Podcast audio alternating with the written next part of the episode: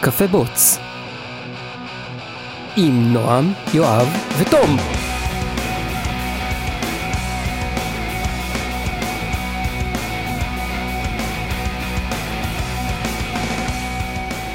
Fine. Well, cheers. We're almost no, we just passed two years of recording. Cafe Boats. That's why we're gonna do. Uh, we go international. Yeah. It's been a wild ride. Yeah.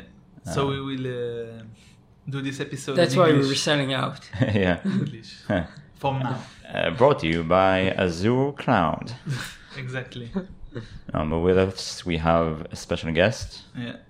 Um, An Azure specialist. yeah, Azure expert and evangelist. Yeah, he you are the Azure expert in the room. We must. Uh, I must say.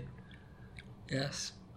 So hi. First, like introduce yourself, yeah, and then tell us about your uh, Azure advice. yeah, Azure tip of the day. Um, we talk about more than Azure. I don't want to spend too long on Azure. uh, hi, my name's Aton. I uh, I'm from uh, the Bay Area, originally from Seattle, Ah, yeah. and uh, spent a couple years working on Azure, and uh, it it's kind of it's like that skeleton in the closet that you don't want to think about. It's tainted you ever since. It, it's I, I have I don't need therapy, but I, I probably should have therapy for my time on Azure. It sounds like um, the experience I had with IBM's WebSphere. Just the same. It's like software. Also, is one Yeah. of the best nightmares you can have. Tra- Okay, I, traumatic. I'm making And- a list. I'm going to take it to, to my boss. and- and to Azure's credit, it is better than SoftLayer. I mean, you know, it, its uptime is not great, but it's better. Wait, SoftLayer is also a cloud provider that was bought by IBM, right? Yeah, That's who it is. Okay. Mm. I mean, it's, now it's they have like another thing, like Bluemix or something. Bluemix Bluemix is just API v2 of the same of the thing. cloud. Oh, Of what? the same service. Okay, so, It's a new UI. just it's a new just re- API. rebranding, rebranding of, Rebranding? of our Git. Yeah. And they, and they don't support uh, the old version. Some of the new features don't exist in SoftLayer, but exist in Bluemix. Okay. so uh, I I would say SoftLayer 90 for, 95% of the time is a cloud provider, and 5% of the time is not online. So you, you grew up in Seattle. How fun was growing up in Seattle? Because I, most of my life, it was one of my wishes. I wish I grew up in Seattle.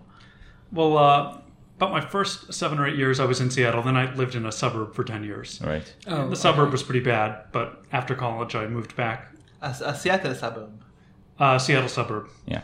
but didn't really have a chance to get into Seattle much. It was a, about an hour outside. And uh, I guess after college, I worked on a few political campaigns and then moved back to Seattle uh, to kind of get involved in tech. And uh, Seattle's a fun city. Uh, about three or four months a year, it's a fun city. And the other eight months, uh, it's all clouds. And uh, people don't smile much. Azure clouds. Uh, that's Redmond. That's Redmond's fault. No, not Seattle. Seattle is outside the Redmond uh, sphere of influence of uh, I don't know uh, sphere of Microsoft. I think like They're in the same state? they're in the same state. And yeah, like Redmond is, There- is a suburb of Seattle, right? yeah, I mean, so there's they're basically kind of sister cities. There's it's in the neighborhood. there's two bridges that you can use to get between them. There's a lake in between, and uh, the ambitious young startups stay in Seattle, and Amazon's in Seattle, and uh, uh, there are people who escape Microsoft to Seattle every now and then. like uh, like escapees from North Korea. They're just like they land on the shores of Seattle City, and then they're welcomed like Ariam is from Seattle, no? No? No. Soundgarden is Seattle. I mean, all the grunge scene is basically Grunge. Seattle. Um, Ariam, so. oh yeah, I don't know. Uh, I think like no, maybe Or Nirvana? the lead- Nirvana? Nirvana, Nirvana Nirvana are Seattle. from Seattle. Yeah. Do Yeah. you know somebody that knew in Yeah. person uh, Kurt Cobain? No, I don't. Because But- it's in the same city. Kind of. But I will tell you a story. Uh, when I was about eight years old in Seattle, uh, I went to this like antique toy shop. You know, they have like the old Star Wars figures, and like they had this little wind up dog. You can put a pencil in it, and it moves, and you wind it up. Anyways, uh, uh, I wanted it. Parents said no. You know, it cost ten dollars, And uh, some dude who was browsing around there says, "Hey kid, here, I'll get that for you." And he pays for it and he says, he's headed out the door and he says, "Hey, don't do drugs." and then the person who works there says, "That's the uh, that's the lead singer for Pearl Jam." No way. Eddie Vedder? I guess so. I mean, I was eight. I didn't really know. Oh, Don't do drugs. So uh, I've heard, uh, you know, as I grew up, I heard that maybe that actually wasn't his personal policy. but uh, Well, I mean, of course he won't do drugs. He did them all. Yeah, but also Hulk Hogan says don't do drugs. yeah. He means don't do steroids when he says don't do drugs. Yeah. Steroids is not drugs. So, so you're a DevOps dude, uh, I'm a DevOps engineer. And did you did you aim for that, or did you kind of roll into it, into being a DevOps engineer? Uh, my last company, I joined doing something else, and about a month in, they said, You're the smartest guy we have. Uh, we need a sysadmin, server admin. So they put me on that. And uh, I inherited a system that was pretty broken. And I started reading up online and found ways to do things better. Uh, you know, I said some of this code needs some work. So I set up a CI CD workflow with Jenkins. And then a developer wanted to use Docker, and I said, "That's great. If you want to use Docker for development, we're doing it in production." And I guess when I'd finished all this stuff up, I went to a meetup and said, "Oh yeah, I'm a sysadmin." They said, "No, no, you're DevOps. Uh, what you're doing is classical, cutting edge DevOps." So uh, I guess that's uh, what I am. That's the title I took, and uh, it's served me well. So wait, you you've been using Docker in production before doing it in development? No, no. Um, it was a new product, and they wanted to use it for development. Mm-hmm. And uh, my policy is what you do in development, you do in production. Oh, okay, I got it. So You have to be like harmonize the two. Yeah. And uh, he was the CTO and co-founder, so uh, it was less work to just find a way to run Docker in production. So how long ago was that? I'm trying About to a gauge. year and a half, two years ago. trying to gauge how early you went into the Docker business. Uh, I would say relatively early, um, before anyone was brave enough to use it in production. uh, but after, you know, the people who remember. Uh, here's a better way to put it. Um, I remember the days of Docker Machine Yeah. Okay. and having to hack IPs, but I don't remember the days of. Uh, I think what was it? Boot2Docker, the original Yeah. name of uh, Docker Machine. Oh, I remember that. Yeah, I remember it. I remember I have uh, nightmares. But but wasn't it just for like uh um, just for like macOS? no, Boot to No, Docker also started for- on the the ordinary problem machines. is that the Docker, the do- Docker is just three Linux features that were mixed together. Okay. Uh, for example, uh, cgroups, which is the control group. This is how it uh, se- uh, isolates the processes. Okay. So, So, you, it works on uh, Linux kernel, not on Darwin kernel and not on Microsoft kernel. yeah. So I remember this. So you must. So it's must. It's only Linux containers.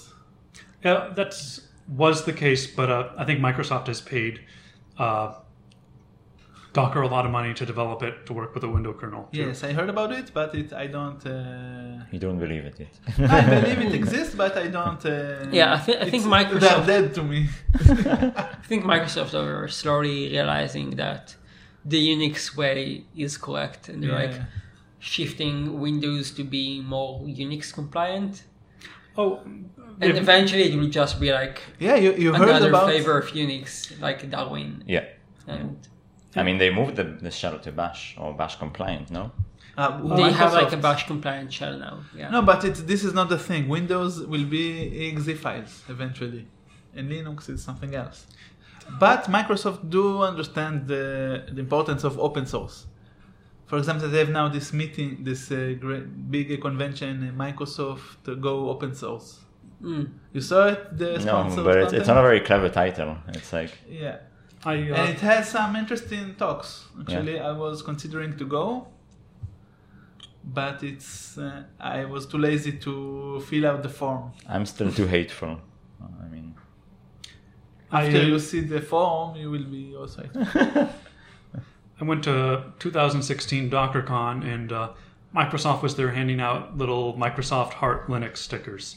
Uh, Nadella, very early, Satya Nadella, their new CEO, is very early on came out with a we're going to support Linux on Azure and Microsoft is going to be to play ball with the community. Yeah, yeah, because I remember they had the um, attempt to go open source with uh, Mono in the beginning. So like they they hired this guy who was like a really famous Linux uh, Hey, contributor. what was this mon- mono shit? Oh, so yeah. they had they had this contributor and they said, yeah, we're gonna go open source. We're gonna open source the .NET framework. Here mono we- is the new wine? No, no, Mono is Mo- like the the the .NET port framework. of .NET for Linux. No, No, no. In uh, in the U.S., mono is uh, in high school stands for mononucleosis. it's uh, something high schoolers give each other. mononucleosis. It's a uh, it's a kissing disease. Yes. So that that's what mono is. So I can see why maybe Microsoft. Uh, but but they went on there all these declarations going open source. We've even hired this guy who normally loves Linux, and look now he's like a friend of Microsoft, like you know kissing babies. Um, Yeah, I remember it. He, he And was like he was head developer for of uh, Gentoo. I remember like reading. I was I was uh, a Gentoo user for like a long time, and I remember reading his uh, his email, his like goodbye email saying he's moving to start up a Linux department in Microsoft, and people are like, "What?" It's But like then- being an iOS developer in Microsoft. Yeah. But You then they, uh, and you work in. They in- they sabotaged the, the kind of the move for some reason. I guess it was political because the old mono was abandoned, and then they were like, "Yeah, we knew it. You know, you're not gonna uh, fill up on this." But then they started it once more, like a few years later. Now it's like one year ago or two years ago. that would be with the new CEO. Yeah, and it seems like they're holding up on it. Seems like they're becoming more Linux friendly now. So I hope so. Yeah, it's like some. Uh, Yeah. There are some companies that started as uh, software and hardware companies, and in in one time they realized that they must give away of something. Yeah. They can rule them both. So in this case, it's the OS, like Android. It's happening to HP as well. HP doing like servers and software and printers and this and this and this and this. And now it's all collapsing back into printers. they're, they're closing down most of their businesses, like the laptops, the software, you know, because they had like a huge software division to do management and CI and issues. And it's, it's like all going like down on the graph and it's going all back into printers now. Did they? Uh, is that something they spun off into a separate company? They Split know, off to refocus on their core, or I'm not sure. I know that it all came through by buying other companies. Almost none of their extra business was uh, homegrown. I mean, the computers were Compaq, which they acquired. Uh, or the software division was Mercury, which they hired. Um, I think also Indigo as well for the printers and stuff. So um, seem, seems like a similar move. Yeah. So, but but you're you're happy being a DevOps engineer. I mean, you, you like the job. And how do you feel about Docker anyway? You you oh, I love it. I think it's insane to do anything else but microservices. because it's really polarizing, isn't it? I mean, when you ask around different people, it normally goes from one edge to the next, and no one's really in the middle. Like, yeah, I guess it's okay. Maybe I just uh, run with the cool kids, but uh, I, I don't hear a lot of Docker bashing. Yeah, Uh, internet's full of it, but internet is full of everything bashing. So yeah, uh, I'm sure there's a 4chan thread on. Uh, Docker. I think most of the concerns were security. so and also the changing of definition of um, reliability. So with Docker, uses Linux containers and process isolation.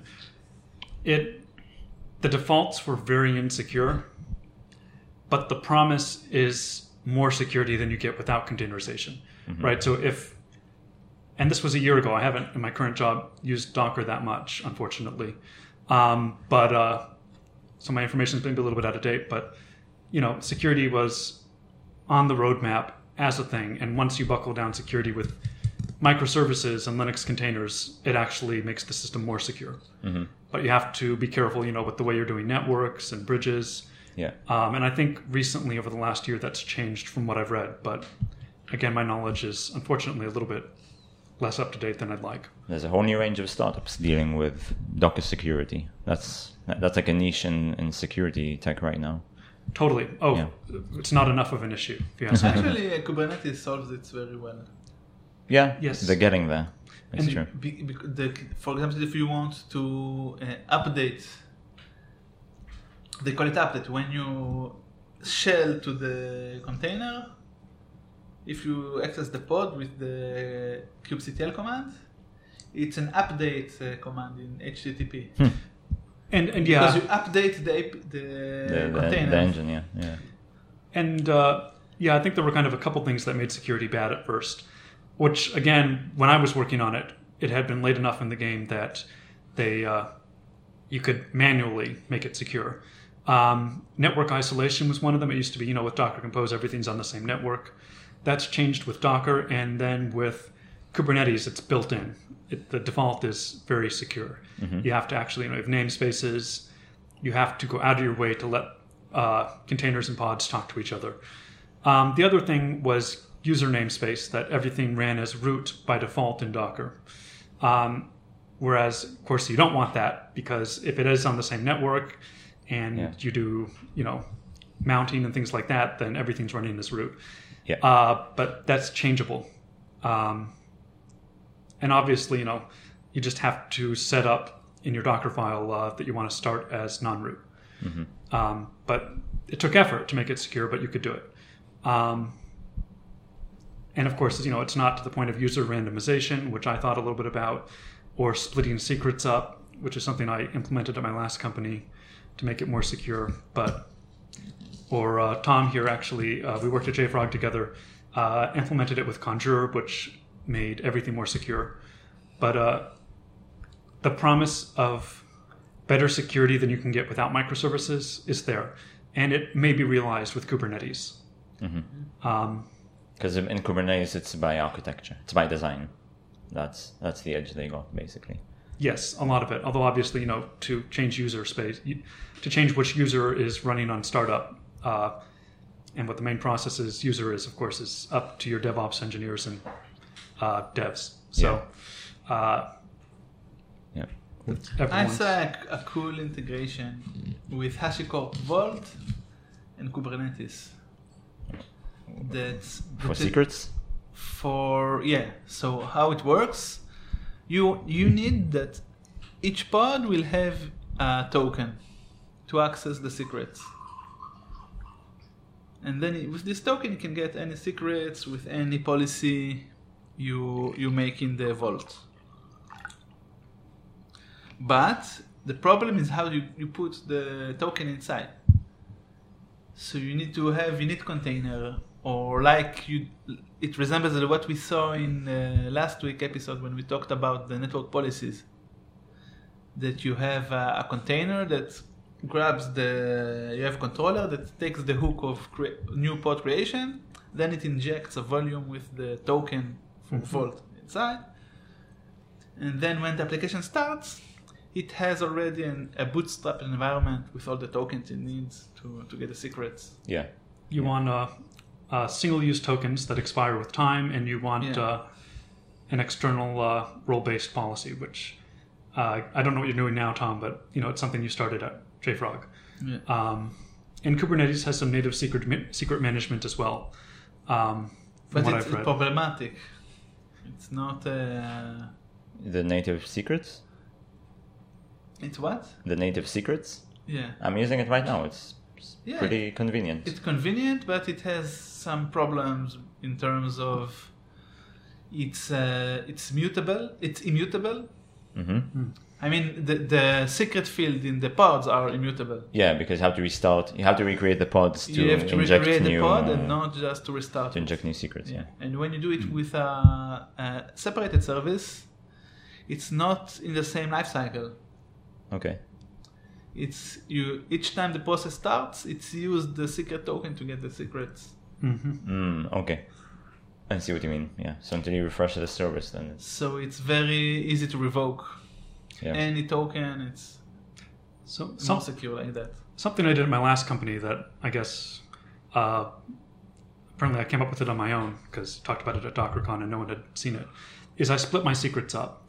Um, the three ways to do secrets, of course, are environmental variables, build it into the Docker image, or use a third-party external validation service like Conjur or Kubernetes Native. And uh, at that point, didn't have access to those because budget. Uh, and uh, what I ended up doing is combining the Docker image and environmental variable. Uh, so what I would do is I would basically, when I built this, I would encrypt my secrets. So inside the images, I would put the decryption key, and then on runtime, I would inject encrypted environmental variables, which the startup script would then decrypt and write to a file. That way, if you do a printenv, you aren't aren't able to uh, get the secrets out. Or if you uh, somehow intercept the image, you couldn't get the secrets out. That you need all the pieces at once. But you have the private key, so you could intercept. I mean, Yeah, it's, but it's the key is useless without the sec- the environmental variables, the secrets. Okay, it would seem make to make more sense to have the encrypted variables as constants and then inject the private key. You know. You can do it either way; they're equivalent. Oh, um, you need one to get the other. Yeah, but if an image is compromised, then only the encrypted secret is compromised. Rather, if, and if one image is compromised, then your key, which you may be using for only this service or maybe for multiple services, is compromised. Which I think a, a compromised key is more dangerous than a compromised secret. Yes, but in this case, I felt it was easier to compromise the environmental variables than it was the key, than it was images, um, because with the service, anyone could sh- uh, go into a shell and do printenv. hmm So once you're into a shell and do printenv, you get a lot of stuff. Um, or even not inside the shell. I think uh, Docker Cloud we were using just would show you all running environmental variables in the web UI. Okay. You know, it's So, also but you're right. I mean, you can do one way or the other. It depends what what is your threat. If the threat is evil hackers, because you're bank of something, so this is one thing you don't want the. You have one con- concerns, but if you are afraid that a stupid developer will ex- ex- accidentally Upload stuff to GitHub. no fork this repository on his own, on his own account, which is free, Okay. so it open source the whole co- source I don't think it does. i, I heard about it and I heard like someone that worked with, with, with in the office uh, nearby. Okay. He had uh, in his last company an issue like that. The developer forked accidentally to its own, or make it by default open source. Ah, if you made it. Uh, Something. She was publicly by mistake. It made publicly by mistake because of a fork. Okay, sounds strange because I worked on a private repo belonging to an organization I worked for, but I used my own private GitHub account and I forked private repos, but the default was always closed because I have, you know, because the the organization doesn't belong to me. So it sounds a little strange. Well, don't put all your secrets in one place. Don't put anything in one place. Yeah. So eventually, what they what they had, they they, were- they compromised the AWS keys. Well, they had that's- secret in the Git. Uh, if Oh. Oh, okay. So they had. But didn't, didn't I tell you about the that thing where they um, I maybe I told it last week, but at some point someone tweeted that he uh, searched GitHub for uh, the, just two words private key, and he found like hundreds of thousands of commits committing their private key Oh into. God. yeah, and Yeah, it's like AWS the easy- the easiest secret way to get AW, uh, AWS Free access AWS. is just like search GitHub for someone's AWS key, well, and, and and and you'll find. Most people understand versioning, but I, I think there's a segment of people who don't understand that removing a key, committing, and pushing it does not actually uh, yeah, make Yeah. the key Yeah. unavailable for attackers. Uh, but back to the container encryption, you're right. I mean, you want the key to be the harder to access variable, and or the harder to access component. And in this case, it was safer with the image because Jenkins built it in for the prod image only, and none of the developers had access to it. yeah. It also Um, makes sense if the key itself is easily revocable. Sometimes it's easier to revoke an old key Oh, than to trivial. change all the secrets. It's trivial. I mean, And sometimes you can't. No, no, it's trivial. You just, uh, um, so actually, the way I did it is I built in some logic where the startup script would, I would create a transitionary period where the startup script would ta- try two decryption keys, the old one and the new one, so I could put that on and then transition from the old encrypted in variables to the new encryption in variables. And then, you know, in a future version, remove that old key from the decryption script.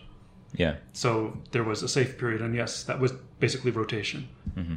And again, only Jenkins really saw it. So Yeah. I guess it also depends where you, you store your images in the end. yeah, no, Yeah. I mean at the end of the day, it's not a perfect solution. I think the third Yeah. party uh, source of truth is the way to do it. The way I did it was better than the two versions by themselves. Yeah. Uh, Yeah. But obviously, having a you know external service that does validation and keys that expire, it's the way to do it. Yeah. So you said you've uh, at your last company, you've actually have them move to Docker. Like So- when when you started, like anything, nothing was Dockerized, and then you moved stuff to Docker. So how how does that work? How So- did you do that? I actually got a little bit lucky. It was a new product. Um, Ah, they started yeah. a new product, and that I insisted would be Docker. Um, the old stuff, uh, before I left, we were I was pushing, and we were starting to get some traction on moving that to Docker. Um, but it was a monolith. It was PHP, Ugh. and uh, Oh. yeah. Uh, I mean, Although when I worked in PHP, um, Dockerizing it was really the, the best part because it meant that I have no fucking PHP server running with someone's uh, shitty security settings. Yeah, but in our case, we ended up with the one gigabyte image, which is non-ideal and slow. Um, but at the same time, at least you had control of the uh, internal environment, which made it more replicable, especially since we had like 30 different sites, each with their different configs um, and you know software installed. So yes, I, I was moving in that direction. But at the end of the day, to really take advantage of microservices, like most thing in DevOps, it's a collaboration between development and operations. That you can't just there is no magic button operations can push or DevOps can push rather that will uh, make development run perfectly. Yeah. To take advantage, like let's say Lambda for example. Lambda, yes, is kind of an infrastructure thing. It's on AWS, and your DevOps, you know, has a role in it, but you have to change the way you're coding applications and building applications to take advantage of it. Yeah. Same is true with microservices. The idea of breaking something up into small pieces is easy when you're starting from scratch, harder when you are inheriting a monolith. That's also really big. Um, some people say it's a bad uh, side of Kubernetes. I'm not sure if it's bad or good, but the fact that Kubernetes is built, um, To stretch for your application and It- it- not stretch your application for it. and also failover is much easier when doing Kubernetes. That's good. The auto Which is- healing, the failover, yeah. Yeah, th- so they can compensate for the failures of the software, Yes. which some people say it's a reliability issue, where they where they say you're not really solving the issue. You're just you know you're you're fixing it somewhere else. You're fix, fixing a symptom rather than the issue. When you when you you know give development some slack into failing because Kubernetes just recovers from it so so well. So what you need to do is actually build a, an API. Ah, you know, we have we have a metric for it. That will start monitor Number of restarts. per hour. if it's more than one, and one is very bad. If your application, if you have a working production server that needs a restart every hour, it's a problem. Yeah. You're doing it wrong, guys. What you do is you But have, you can, if it's only one per hour, you can, you can, you can live with that. With Kubernetes. So the real way to do it is when a, something fails because of the application, does an external API call uh, with a third-party service that uh, sends a bike messenger to the developer's door and wakes them and says, "Hey, your uh, software failed." you just uh, that that solves things really fast. Just, Slack uh, private messages. Yes, uh, yeah, exact Slack delivery. Send them Ah. flowers that are like you know. Uh, past their prime, just a little. Your software failed. I had, I also had uh, a, a, a philosophical question this week. Okay. If you need to notify developers when their build is successful, so they know they can check it out to see if it works, Okay. like it's already deployed, deploy success, blah blah blah, or just to ping them when it's not working.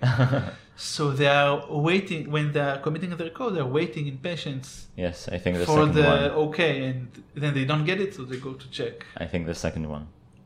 to alert them only when they fail. Yeah. But it's very negative. I, I You are you, you are uh, you're garbage. you get an alert that you're garbage. exactly. That's why you should put them.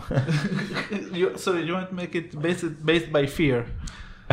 So you develop fear-based development. if it makes people care more. But there's a reason to do both, and that is it it makes the developers hold QA or DevOps accountable for builds taking too long. Okay. right? I mean, if you know if the developer has to wait ten minutes, that's probably unacceptable. And uh, you know, when they get those alerts, they can go to QA and say, you know, QA, why this why this take too long? Huh. So uh, I, I think you should fail as quickly as possible, and you should um, you should teach people to take responsibility because one of the biggest issues in huge companies is Ah, I know- developers I know being so the- far away from from uh, QA guys, where they can just like you know fix a bug, you know, it- but maybe not check it too well or check the feature so well, and then send it off and then have it checked four months later. So in the U.S., we're actually only good at one of those. Uh, we elected Donald Trump, and he failed early. Uh, do not take responsibility, though. You got a Slack alert. okay, we're gonna cut this episode here. Yeah, be back next week. Thank you, Eitan. Bye bye. Bye. Bye.